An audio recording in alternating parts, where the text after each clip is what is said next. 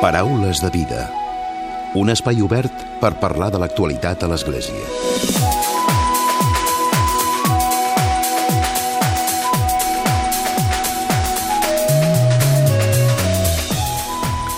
Què tal? Salutacions i molt bon dia, molt bon diumenge. Avui pararem atenció a la solidaritat salesiana amb els ciutadans d'Alep, a Síria, una zona del món que pateix una guerra amb uns terribles resultats que tots, malauradament, podem comprovar dia a dia als mitjans de comunicació. Milers de persones que fugen del país atemorides per tal de fer la vida més fàcil allà mateix, diferents ONG salesianes, com Solidaritat Don Bosco, Vols i Jóvenes i Desarrollo, impulsen des de fa uns anys el projecte ajuda a la població siriana acollida als centres salesians d'Alep, Damasc i Cafrun i de la, de la campanya Sumat pels drets de la infància. Els centres dels salesians a Damasc, Alep i Cafrun han pogut ajudar unes 230 famílies. L'objectiu és donar suport a les famílies que estan atrapades per la guerra síria i que es troben desplaçades a les cases salesianes, com us expliquem, d'Alep, de Cafrun i de Damasc. Avui en parlem amb Begoña Simal, que és la secretària tècnica de l'ONG ONG Salesiana Vols i també, com sempre, a la recta final del Paraules comentarem, tindrem un nou comentari de l'actualitat de Francesc Romeu.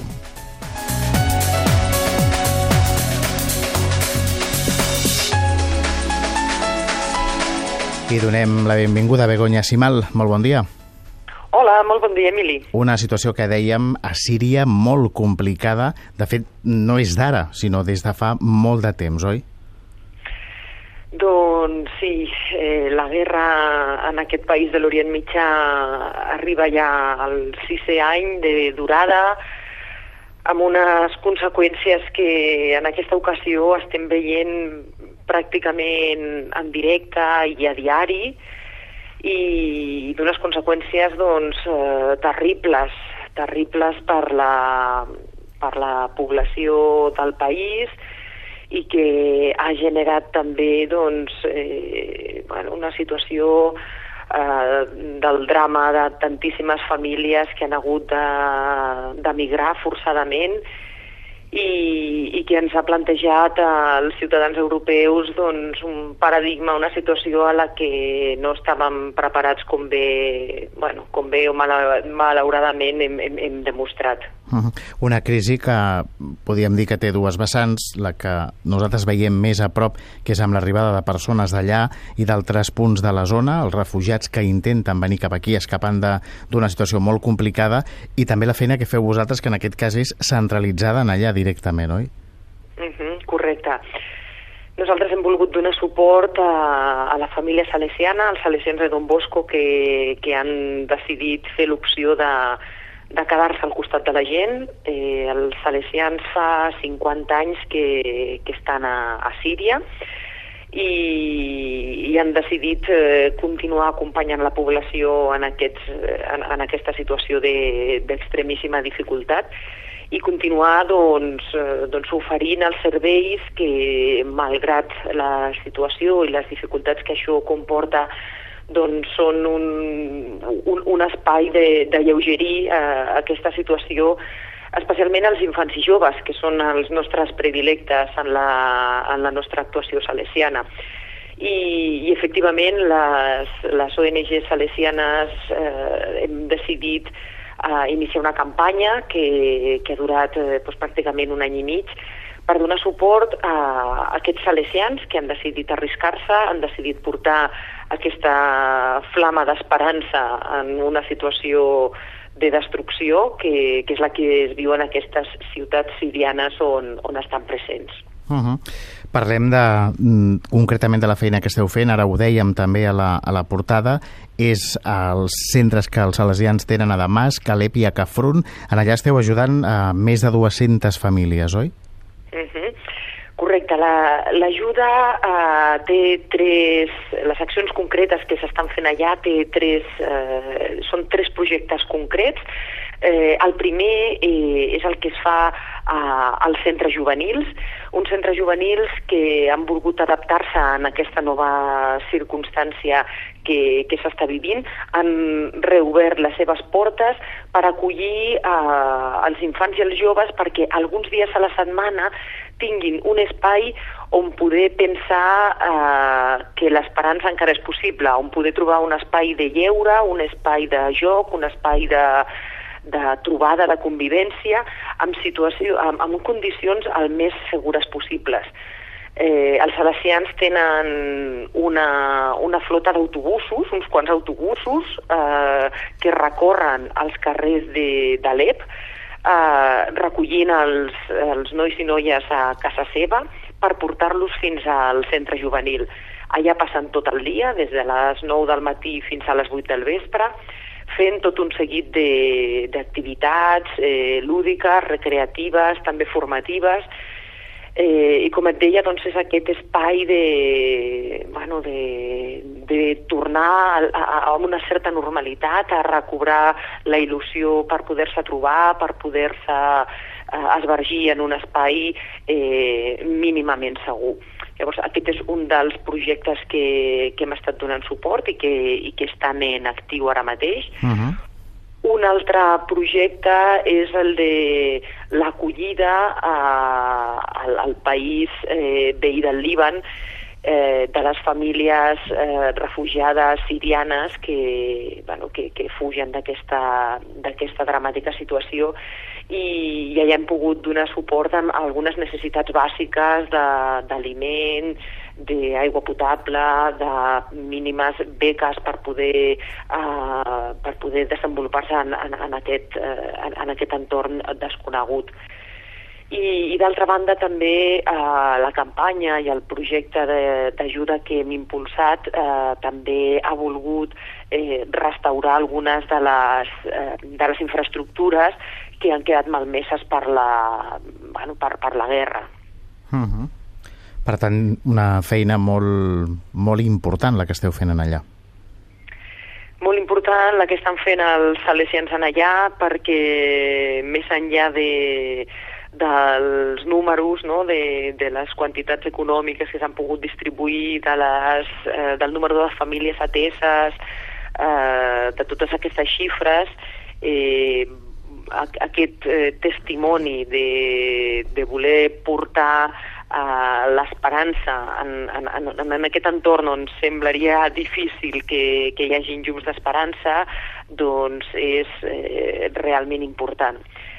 Per nosaltres aquesta campanya, eh, a més a més de l'ajuda directa que, que s'està implementant a, a Síria, eh, és també una oportunitat eh, per portar a, a les cases de, de casa nostra no?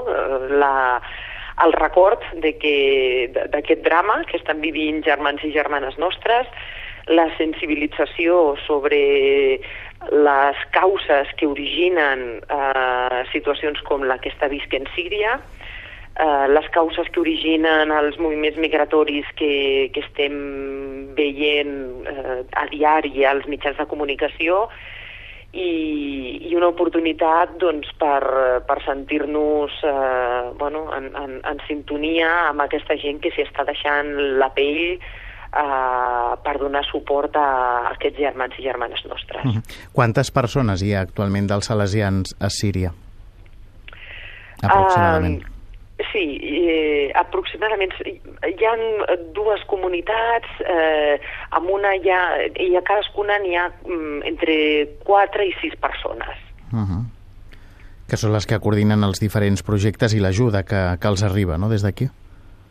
Els que coordinen els projectes eh, amb el suport de voluntaris i voluntàries eh, que sense ells seria impossible dur a terme tota la tasca que, que realitza especialment els, eh, bueno, per les activitats eh, extraordinàries d'estiu de, i de moments forts, eh, es compta cadascun dels centres juvenils eh, amb un centenar de voluntaris eh, que, bueno, que sense, sense, aquesta, sense la seva tasca seria, seria impossible portar-ho a terme. Uh -huh.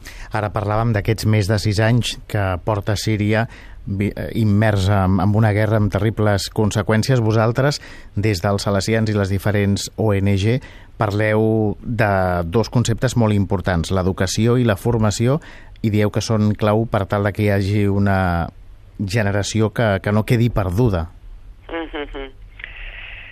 sí, la, per nosaltres l'educació és, eh, és, és, és el camí que, que tant aquí com allà suposarà plantejar, pensar en el, en el futur. Eh, L'educació pot ser la clau perquè aquesta, aquesta generació que, que, que estan visquent aquesta situació eh, puguin pensar de manera esperançada en un, en un futur amb unes mínimes eh, oportunitats. I també pensem que l'educació no menys important de les, de les generacions més joves de casa nostra també està només important per treballar conceptes tan importants com poden ser l'acollida, el, el veure la diversitat com una oportunitat. Llavors l'educació, sí, que estem convençuts i convençudes que és la clau i és allà on posem doncs, tots els esforços en el nostre treball. Uh -huh. Si alguna de les persones que avui ens escolten a través del Paraules de Vida de Catalunya Ràdio volen col·laborar amb les ONG salesianes, ja siguin amb Solidaritat, Don Bosco, amb Vols i amb Jóvenes i Desarrollo, què és el que han de fer, Begoña? Doncs, eh, mireu, eh, hi ha moltes maneres de poder, de poder col·laborar, de poder participar. Eh, evidentment, una com molt evident i molt clàssica és el tema de les aportacions econòmiques. Els donatius, eh, directament, no? El, els donatius directament. Eh, és evident que és una, que és una possibilitat aquesta existeix, eh, sempre està obert, eh, podeu trobar la manera concreta a través de, de les nostres pàgines web eh, www.ongvols.org és, eh, és la web de Vols, allà bueno, doncs es, troba, es troba la manera de, de poder fer aquesta aportació econòmica, però també m'agradaria remarcar que que hi ha altres maneres de poder col·laborar. Eh, es poden fer serveis voluntaris eh, des d'aquí, de, des, des de casa nostra. Eh, la, els salesians de Síria ens deien com d'important era per ells eh, que, que preguéssim i que els tinguéssim presents i que no ens oblidéssim d'aquesta situació que, que els toca viure eh, la força de, de la pregària i del record eh, doncs és, eh, és potent i, i ens l'estan demanant. Mm. Uh, I també tenim, eh, pensem, un paper de, de denúncia pública que, que estem obligats a fer-lo les institucions doncs, no estan responent al que ni les entitats del tercer sector ni penso que bona part de la població eh, ens agradaria que, que oferissin un tracte tant a les persones eh, immigrades com, eh, com a les propis projectes de desenvolupament i de cooperació al desenvolupament a, al terreny Llavors, aquesta feina de denúncia, aquesta feina de reclamar els compromisos, eh, també és eh, una cosa mm, superimportant i que des de bons considerem que estem obligats a, a fer-la com a ciutadans i ciutadanes eh, responsables. Begoña Simal, secretària tècnica de l'ONG Salesiana Vols. Gràcies avui per haver-nos acompanyat. Moltíssimes gràcies. I molta sort. Gràcies. Paraules de vida. Un espai obert per parlar de l'actualitat a l'Església. I ara arriba el comentari de l'actualitat de Francesc Romeu. Francesc, molt bon dia. Molt bon dia a tothom. La setmana passada el papa francès va estar a Egipte, en el que s'ha qualificat com un viatge molt atrevit per la seva gran perillositat. Però a banda del seu alt risc, ara ja podem dir que ha estat també un viatge històric pel que fa a la pau, un viatge molt generós i reconfortant. Entre els motius importants d'aquest viatge n'hi ha cinc. El primer lloc era un viatge pastoral, amb la voluntat de recolzar i estar al costat dels cristians d'Egipte, durament i injustament perseguits, Recordem que els cristians d'Egipte són un grup molt reduït que just arriben a ser el 10% de la població del país. D'aquests, la majoria són els coptes ortodoxos i els catòlics són els més minoritaris. Per això, en segon lloc, era un viatge ecumènic. per afavorir les relacions de l'Església Catòlica Romana amb els cristians coptes ortodoxos. En tercer lloc, també era un viatge marcadament interreligiós, el que significava d'aproximació al món musulmà, en uns moments en els quals alguns busquen clarament la confrontació entre aquestes dues grans religions. En quart lloc, era també un viatge marcadament polític, pel que podia representar de recolzament del papa Francesc al president de la República d'Egipte, Abdel Fattah al-Sisi, un militar de 62 anys que no gaudeix de massa, de massa legitimació atès que va accedir al govern del país l'any 2013 en un cop d'estat contra el president Mohamed Mursi, el candidat electe dels germans musulmans que governava amb una forta oposició i amb unes continuades manifestacions violentes. Finalment, en cinquè lloc, era també un viatge per tal que el papa francès pogués continuar mantenint aquest lideratge mundial i social. De la breu estada del papa Francesc a Egipte em quedo amb tres fotografies prou significatives. La primera la trobada amb el president del país, amb una cordial encaixada de mans. La segona, la llarga abraçada històrica amb el gran imam i rector de la Universitat Al-Azhar del Caire, Ahmed Al-Tayeb. I la tercera i última, la signatura d'una declaració conjunta entre el papa Francesc i el papa Teodor II, patriarca de l'Església Copta Ortodoxa. Si hagués de resumir el viatge amb un titular o una frase, escolliria la mateixa que el papa francès va piular a la xarxa social del Twitter des d'Egipte. Deia, estem cridats a caminar junts amb la convicció que el futur de tots depèn també de la trobada entre religions i cultures. Potser l'acte més compromès va ser el discurs del papa Francesc a la Conferència Internacional sobre la Pau, al Conference Center, a 8 quilòmetres del Palau Presidencial. Va començar el gran imam Ahmed Al-Tayeb, agraint al papa la seva visita com una mostra que no vol assenyalar tot l'islam com una religió de terroristes i agraint-li que vulgui evitar les acusacions mútues, perquè si fos així, aleshores ningú, cap religió seria innocent i ens conduiria a recordar i retreure'ns totes les ocupacions violentes i les guerres del passat. Per la seva part, el papa francès va començar el seu discurs amb la salutació en àrab, el salam alikum, la pau sigui amb vosaltres, i va recordar que la diversitat és un do i que no s'ha de fingir per fer-se més agradable als altres, sinó que cal defensar les identitats diverses. També va exigir que s'han d'eliminar les justificacions de la violència, sempre injustificable, perquè la violència és la negació de l'autèntica religiositat. Les religions, va dir el papa, estan cridades especialment avui a excloure qualsevol posició absoluta i a condemnar qualsevol forma d'odi en nom de la religió. I finalment va acabar amb una afirmació de germanor. Vivim sota un sol de l'únic Déu misericordiós. En el seu discurs el papa també va tenir paraules contra els traficants d'armes i contra els polítics populistes, perquè creen més problemes en lloc de buscar solucions. En aquest cas no sabem si es referia també al populisme de Donald Trump. La única solució per la que va apostar el papa francès només va ser la del diàleg. Amb el president de la República, el papa francès també va reclamar l'educació dels joves de cara al futur, va dir que el Déu creador no necessita ser protegit pels homes, sinó que és ell el qui protegeix els homes. Ell no vol mai la mort dels seus fills, sinó que visquin i visquin feliços. Ell no demana ni justifica la violència, sinó que la refusa i la desaprova. Durant la missa, amb molta rotunditat, el papa francès va assegurar que l'únic extremisme que es permet als creients és el de la caritat.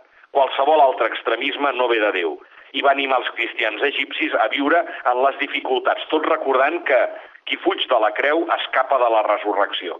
Un missatge ben clar de la resistència pacífica. Molt bon diumenge a tothom!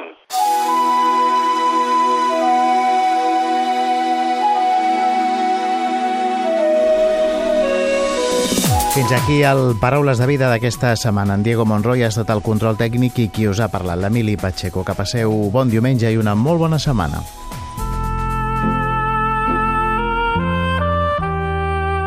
Us oferim la carta dominical de l'arcabisbe de Barcelona, Joan Josep Omella.